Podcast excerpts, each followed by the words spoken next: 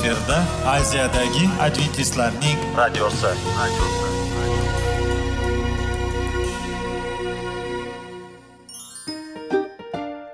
Assalomu alaykum radio tinglovchimiz. Dasturimizga xush kelibsiz va bizni tinglayotganingizga sizdan judayam minnatdormiz.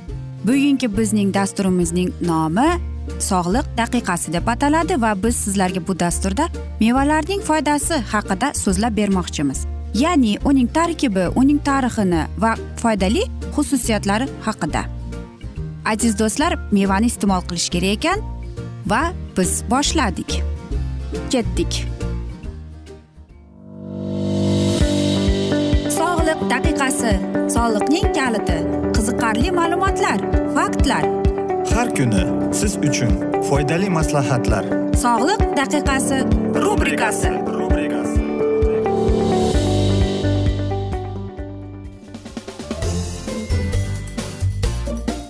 assalomu alaykum aziz radio tinglovchilar. Dasturimizga xush kelibsiz va biz sizlar bilan tana va sog'liq degan dasturda xushvaqt bo'ling deb aytamiz. Va bugungi bizning dasturimizning mavzusi tana yuzni tabiiy vositalar bilan parvarishlash deb nomlanadi. Albatta siz biror marta o'ylanib ko'rganmidingiz nega biz issiq kiyinamiz qishning kunida va hattoki qo'llarimiz sovqatsa biz qo'lqop kiyib olamiz? Ayniqsa qishning kunida shunday bo'ladi. Ammo lekin siz hech bir haqda o'ylaganmisiz? Bizning yuzimiz ochiq qoladiku axir deb. Va nega mana shunday bo'ladi deb. Bilasizmi bizning yuzimiz ham mana shunday parvarishga judayam muhtoj ekan. Chunki bizning tanamizdagi ayniqsa yuzimizdagi terimiz judayam sezgir va u hattoki kichkinagina qattiq shamol yoki sovuq bo'lib qolsa u o'zidagi bor namlikni yo'qotib quruq bo'lib qoladi. Hattoki o'zining rangni tarangligini yo'qotib kelar ekan. Shuning uchun ham bizning yuzimizdagi teri juda doimo parvarishga muhtoj. Ammo lekin siz savol berasiz qanday qilib to'g'ri e, yuzimizdagi teriga parvarish qilish kerak deb. Va bugungi bu savol hammani qiynaydi va qiziqtiradi. Nafaqat ayollarimizni balki erkaklarimizni ham. Shuning uchun ham birinchi o'rinda biz go'zallik saloniga borish kerak. Ya'ni spa protseduralarini qabul qilamiz. Lekin bir tomondan shuni unutmangki uyda ham uy sharoitida teringizni toza sog'lom va albatta go'zal qilishsa bo'ladi. Bunda biz tabiiy vositalar bilan foydalanib kelamiz. Aytaylik siz sizning yuzingizning e, tanasi tabiatdan go'zal va bu degani u parvarishga muhtoj emas degani emas. Chunki yuzga har kuni parvarish qilish kerak ekan. Lekin uni to'g'ri ham qilib ko'rish kerak. Qanday deysizmi?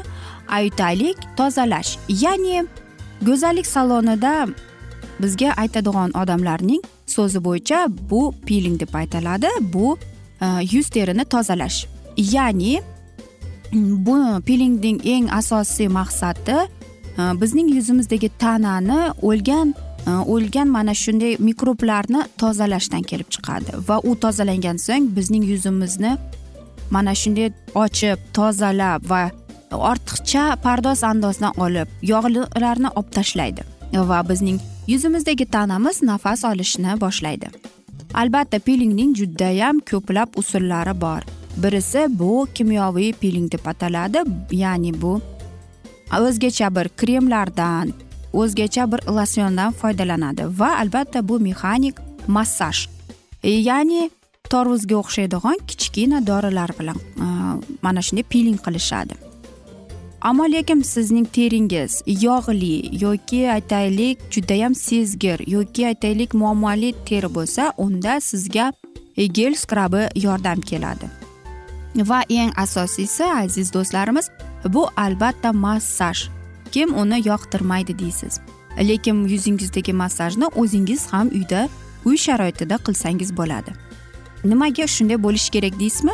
E, chunki massaj bizning yuzimizga qonni yurgizadi va qon e, yuz tuzilishimizning rangini o'zgartirib keladi e, va bo'lgan ajinlarni yo'q qiladi.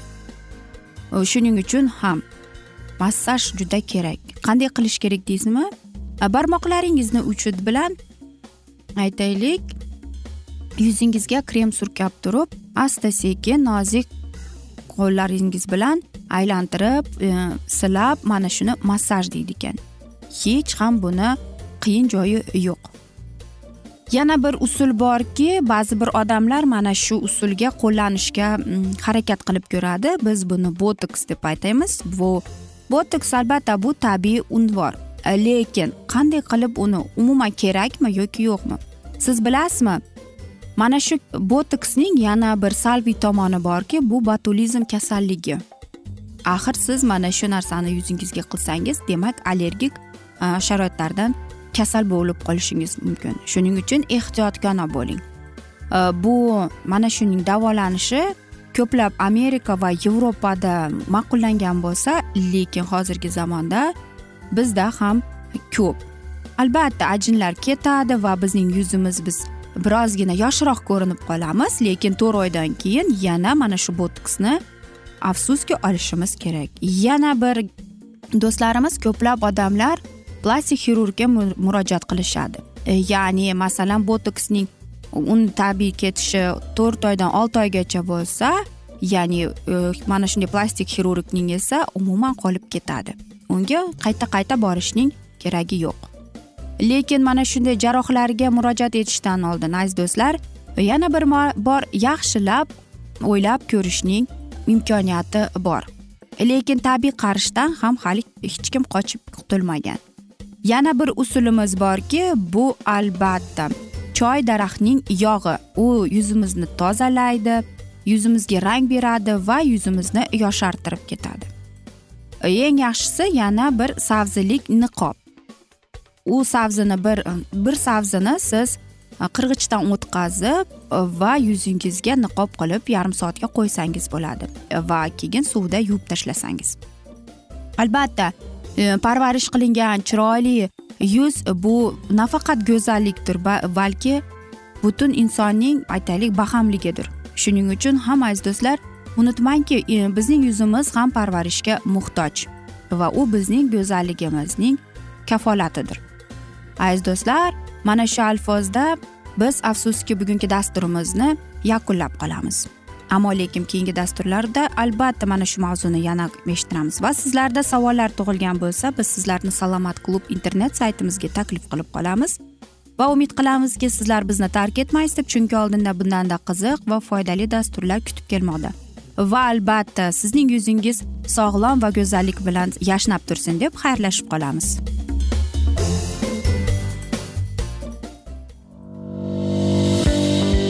Sog'liq daqiqasi soliqning kaliti qiziqarli ma'lumotlar faktlar. Har kuni siz uchun foydali maslahatlar. Sog'liq daqiqasi rubrikasi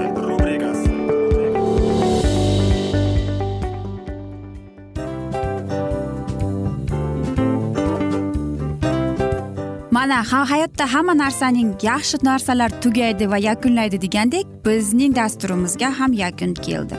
O'ylaymanki bizning dasturimiz sizga foydali bo'ldi deb aziz radio tinglovchimiz. Va siz o'zingiz uchun kerakli xulosalar kerakli maslahatlar olib oldingiz.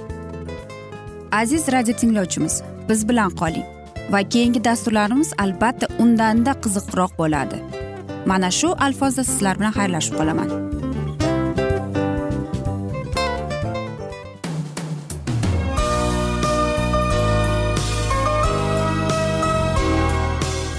Efirda aziyadagi adventistlarning radiosi.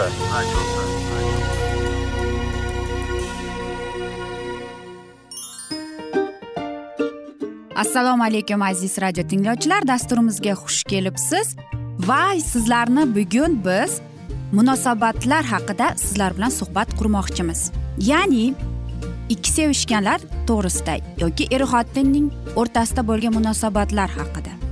Masalan yigit qizni qanday sevish kerak? Er xotinni qanday sevish kerak? Xotin erini qanday sevish kerak? Qanday munosabatda bo'lish kerak ular bir biriga mana shunday haqida bizning mavzuyimiz.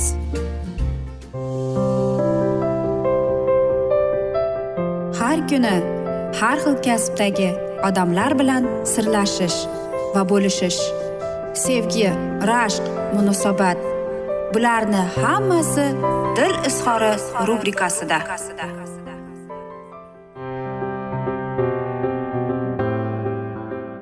Assalomu alaykum aziz radio tinglovchilar. Dasturimizga xush kelibsiz va biz sizlar bilan erkaklar marsdan ayollar veneradan degan dasturda xushvaqt bo'ling deb aytamiz. Va bugungi bizning dasturimizning mavzusi qanday qilib biz salbiy his tuyg'ularimiz jarayonida o'zimizning e, aytaylik hislarimizni ko'rsatish deb nomlanib qoladi. Va albatta siz aytasiz qanday qilib? Bu judayam oson. Aytaylik siz judayam g'amginsiz. Sizning umidlaringiz puchga chiqdi. Yoki siz achchiqlanib kelyapsiz. Yoki siz o'zingizga bo'lgan ishonchni yo'qotdingiz. Va sizga judayam qiyin bo'lyapti boshqa insonlar bilan suhbat qurishga. Va mana shu asnoda albatta qiyin bo'lib keladi. Chunki biz ishga boramiz o'qishga boramiz. Yoki uy yumushlari bilan band bo'lganimizda. Biz qanday bo'lamiz? Biz o'zimizni tabassum bilan shu boshqa insonlar bilan suhbat qilamiz. Va mana shu asnoda inson tushkunlikka tushib qolganda judayam qiyin bo'lib qoladi. Biz mana shunday aytaylik salbiy hislarimiz bo'lib kelayotganda biz nima qilamiz? Albatta bizda g'azab keladi. Ammo lekin biz bilasizmi g'azablanganimizda biz boshqa narsalarni yo'qotib kelamiz ekan. Ya'ni ijobiy hislarni. Qanday deysizmi? Bu ishonch e'tibor tushunish va minnatdorchilik va albatta hamma narsa bilan rozi bo'lib va yarashish. Va mana shunday daqiqalarda oddiy bir suhbat janjalga aylanib keladi. Va biz mana shuning oqibatida ko'p narsalarni unutib kelamiz. Qanday biz mana shu munosabatlarga qaysi qiyinchiliklar bilan biz mana shunday munosabatlarga yetganimizni unutib qolamiz. Ayol kishi esa mana shu asnoda o'zi bilib bilmay qolgan holda erkak kishini ayblay qoladi. Nega unday? Agar ayol kishi mana shunaqa daqiqada yaxshilab eslab ko'rganda edi qanchalik u siz uchun harakat qilyapti? Hamma narsa qilib uning uchun va qanchalik unga og'irki ayolning og'zidan mana shunday tanqid xafagarchilik eshitganda va ayol kishini mana shunday salbiy hislar kelayotganda unga judayam qiyin. Aytaylik suhbatda o'zini tinch va totuvlik va albatta o'zining gapirayotgan ohangini ushlab turish judayam qiyin. Va ayol kishi tushunib tushunmaydiki qanchalik erkak kishining kuchli hislarini poymol qilayotganini. Ammo lekin erkak kishi ham achchiqlanib g'azablanib kelayotgan mahalda u ayol kishini ayblay boshlaydi. Hech ham uning his tuyg'ularini o'ylamasdan.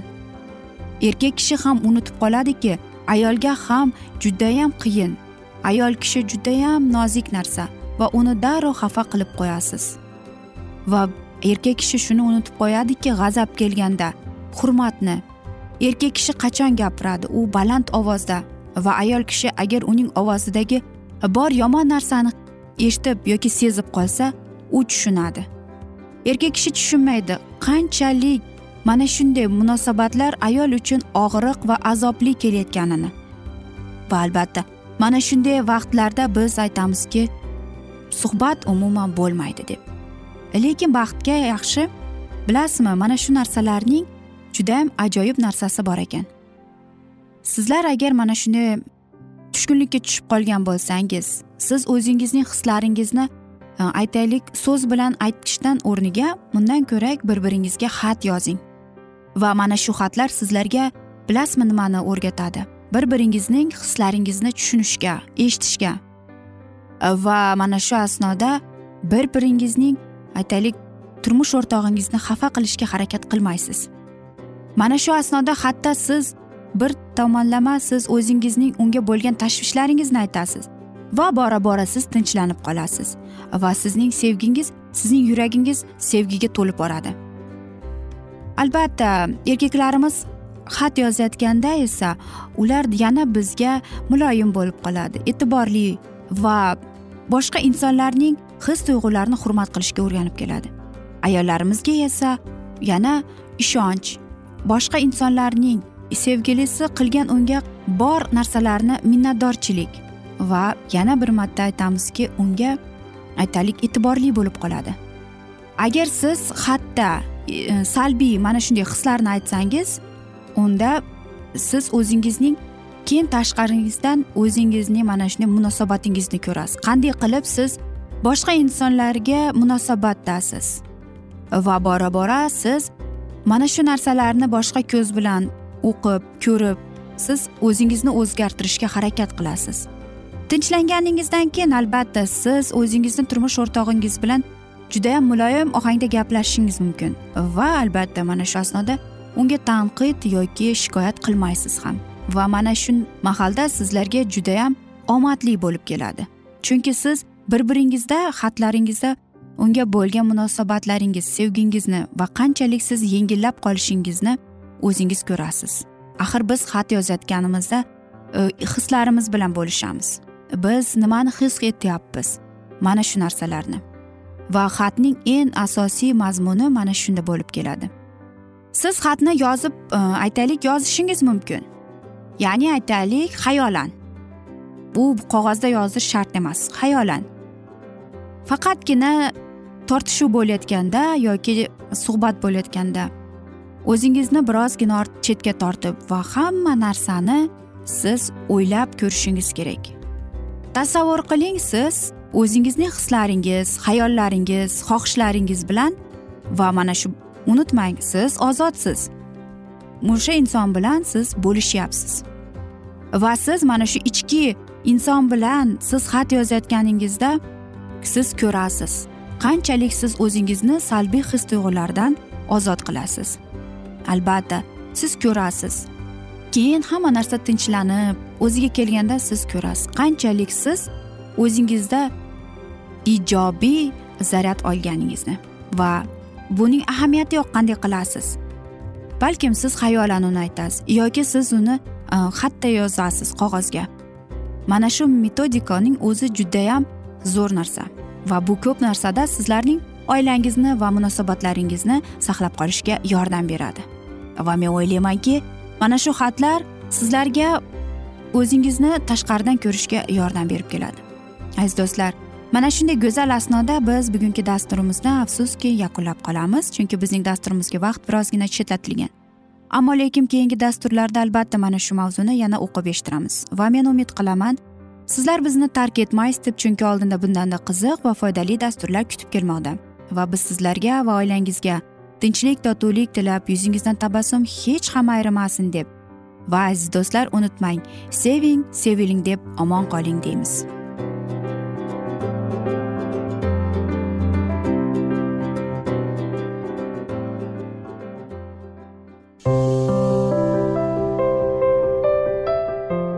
Kuni har xil kasbdagi odamlar bilan sirlashish va bo'lishish sevgi rashq munosabat bularni hammasi dil izhori rubrikasida.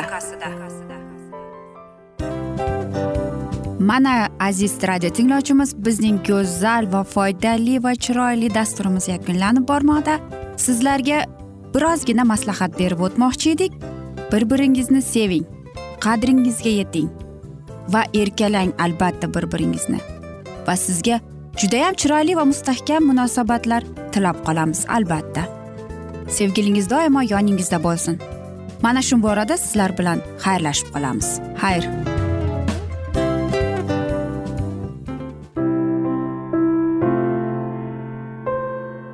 Hayotning noni.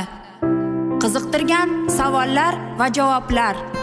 Buning hammasi ko'ngil uchun oziqa rubrikasida.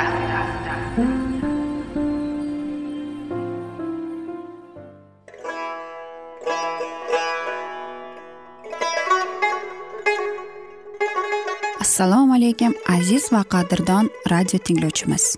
Dasturimizga xush kelibsiz. Bizni tanlaganingizga sizdan minnatdormiz. Va keyingi bizning e, mavzuyimiz diniy masalasiga kelib chiqadi. Albatta hayot davomida bizni ko'plab qiziqtirgan savollar bordir. Va mana shu savollarga qayerdan javob olsam ekan deb o'ylanib chiqamiz. Yoki hayotning ma'nosi nimada deb o'ylanamiz. Mana shunday dasturlar o'ylaymanki siz sizga foyda bo'ladi deb. Aziz do'stlar bugungi bizning mavzuyimizning nomi vahiy kitobning ochilishi. Ya'ni bu muqaddas kitobda shunday deb yozilgan. Vahiy kitobning bizga bo'lgan buyuk sovg'asi deb. Albatta mana shunday kitobni eshitib quloq solib e'tiborli bo'lsak biz o'zimizning qiziqtirgan hayotning ma'nosini tushuntirgan bizni kelajakda nima kutayotganini mana shu kitobdan bilib olamiz albatta. Va xudoyim bizga qanday rejalar ochgan bizga qanday kelajak kutayotganini aynan mana shu kitobda yozilgan va bizga mana shu kitob orqali xudoyim bizga aytib bergan. Keling aziz do'stlar mana shu kitobni e'tiborli va yaxshilab quloq solib va chuqurroq nazar solaylik shu muqaddas kitobga.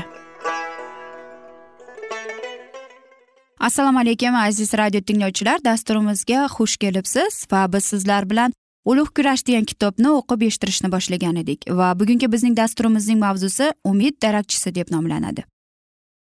Najotkor men uchun boshqa o'n ming yillardan ortiq bo'ldi.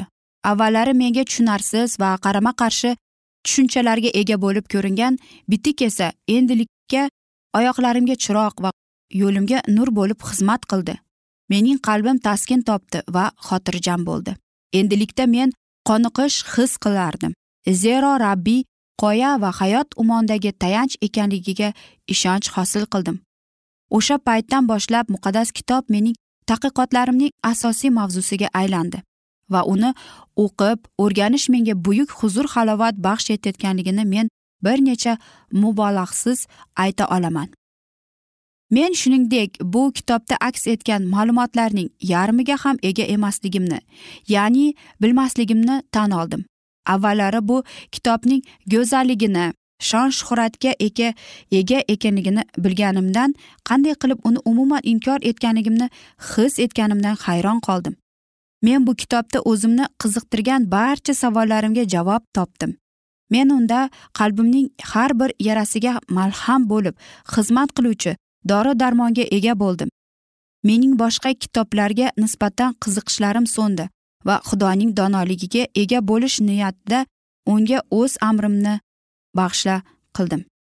Miller o'z o'zi oldin jirkangan e'tiqodning ilhomlanmasdi ekanligiga oshkora tan oldi. Millerning imonsiz do'stlari uning o'zi qachonlardir bir necha bor muqaddas bitikning ilohiy kelib chiqishini inkor etish maqsadida keltirgan isbot dalillari zudlik bilan unga qarshi keltirdilar. O'shanda u munosib ravishda do'stlariga javob berishga tayyor emas edi. Chunki miller quyidagicha fikr yuritgandi. Agar muqaddas kitob xudo yuborgan vahiy bo'lsa bu holda uning o'zi o'ziga qarshi chiqmasligi kerak. Agar insonga pand nasihat qilish uchun mo'ljallangan bo'lsa bu holda kitob millerga tushunarli bo'lishi kerak. Zohiriy ziddiyatlarni muvofiqlashtirishning imkoni bor yoki yo'qligini aniqlash maqsadida u bitikni mustaqil ravishda o'rganishga qaror qildi. Taxminlarga asoslangan fikrlarga yo'l qo'ymaslik uchun u hech qanday shaharlardan foydalanmadi. U faqatgina belgilangan parallel joy izoh va simfoniyalarni qo'llangan holda matnlarni matnlar bilan solishtirdi. U muqaddas kitobni muntazam va doimiy ravishda o'rganib borardi. U o'qishni ibodatdan boshladi va biror tushunmovchilik yoki qiyinchiliklar yuzaga kelganda boshqa bobga o'tmasdan har bir oyatni bir necha marta obdon o'qib chiqdi. Tushunish qiyin bo'lgan oyatlarga duch kelganda u oyatni o'rganilayotgan masalaga doir bo'lgan boshqa matnlar bilan ko'pincha taqqoslar edi. Ushbu matnlarning ma'nosini tushunish maqsadida har bir so'z ma'nosi ustida obdon o'ylanardi. Agar uning tushunchasi parallel matnlar bilan uyg'un kelsa demak bu masala hal bo'lgani bo'ldi degani edi. Matnni tushunishda u qiyinchiliklarga duchor kelar ekan. Muqaddas bitiklarning boshqa qismlarida ularga izoh izohlarni izlab topardi. Oldin uning nigohidan yashirincha bo'lgan masalalariga e, javob topishga va uning bilim olishiga yordam berish uchun miller tinmay rabbiyga ibodat va iltijo qilardi. U o'z shaxsiy tajribasida zaburchining quyidagi so'zlarni haqiqiyligini ko'rdi. Kalomning ochilib qolganda ziyo sochar kofirlarga aql idroq berar. O'ziga xos tarzda katta qiziqish bilan doniyor va vahiy kitoblarning o'qib o'rgandi. Ularning izohlash uchun injil va zaburning boshqa kitoblarini o'rganishda qo'llangan xuddi shu qonun qoidalaridan foydalandi va katta xursandchilik bilan bashoratlarning ramzlarini o'qish mumkinligini kashf qildi. Bashoratlar tom ma'noda amalga oshirilishi turli obrazlar metaforalar masal o'xshatishlar va hokazolarni kontekst bilan aloqadorlikda tushuntirishlarni yoki bo'lmasa ularni izohlash imkoni mavjud bo'lgan muqaddas bitiklarning boshqa joylarini ularning ma'nosi namoyon bo'lishi uchun ko'rdi. Shunday qilib deb yozadi miller muqaddas kitob bu ochib berilgan haqiqatlarning sohasida degan xulosaga keldim. Ular shu qadar sodda va tushunarli qilib bayon etilganki hattoki bilim doirasi cheklangan odamlar ham aslo yanglishib qolmaydilar. Bashoratlar uzun qatorning tarkibiy qismini miller birin ketin o'rgandi va uning harakatlari zoye ketmadi. Ular g'alaba bilan yakunlandi. Samoviy farishtalar uning aqlini boshqarib uning ongiga xudoning kalomini jo qilar edilar. O'tmishida qaromatlarning amalga oshishiga tayangan holda miller quyidagicha xulosaga keladi. Kelajakka oid bo'lgan bashoratlar ham xuddi shunday tarzda amalga oshar ekan. Bunday holat esa o'z navbatida masihning ruhiy shohligi haqida hukmronlik qiluvchi tushuncha. Dunyo tarixining so'ngida zaminning ming yillik kabi xudoning kalomi bilan tasdiqlanmagan degan fikrga uni olib keladi. Sohiylik va tinchlik haqidagi rabbiyning kelishidan oldingi ming yillik davrida nazariyasiga ko'ra xudoning dahshatli kuni uzoq vaqtga qoldiriladi. Ammo bu nazariya qanchalik tasalli bermasin u masih va uning havoriylarning ta'limotiga tubdan zid keladi. Chunki ularning guvohlik berishicha oxir zamon ya'ni o'rim yig'in vaqti kelmaguncha bug'doy bilan begona ular o'tlar bilan birga o'sishi kerak ekan. Aziz do'stlar va mana shunday qiziq e, va go'zal asnoda bugungi dasturimizga biz nuqta qo'yamiz. Va keyingi dasturlarda albatta mana shu mavzuni yana o'qib eshittirishga harakat qilib ko'ramiz. Va sizlarda savollar tug'ilgan bo'lsa biz sizlarni alkitab media internet saytimizga taklif qilib qolamiz. Va albatta sizlarga va yaqinlaringizga tinchlik totuvlik tilagan holda o'zingizni ehtiyot qiling deb xayrlashib qolamiz.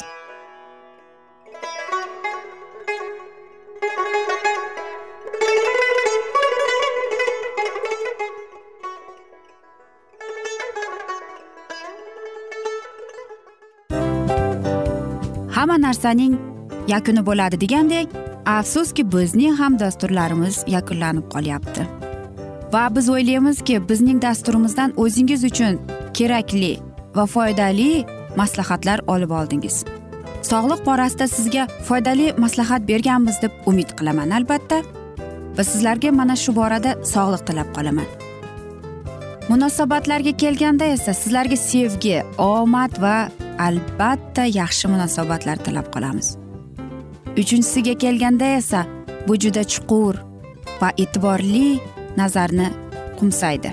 Va sizlarga mana shu yaxshilik kayfiyatda sizni kayfiyatingizni ko'targan holda sizlar bilan xayrlashib qolaman afsuski. Ammo lekin keyingi dasturlarimiz undanda qiziq bo'ladi. Va siz biz bilan bo'ling. Bizni tanlaganingiz uchun sizlarga rahmat. Omad sizlarga. Xayr.